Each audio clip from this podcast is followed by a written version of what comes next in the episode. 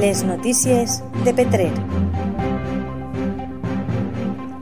Amb Aitor Juan Luz. Les inscripcions als nous cursos de natació i gimnàsia del complex esportiu San Fernando i el poliesportiu municipal han resultat un èxit amb un inici de temporada amb prop del 90% de les inscripcions cobertes. Segons ha explicat la regidora d'Esports Patricia Martínez, davant la situació sanitària hem tingut que reduir l'aforament dels cursos, però encara tot això hem rebut molt bona participació.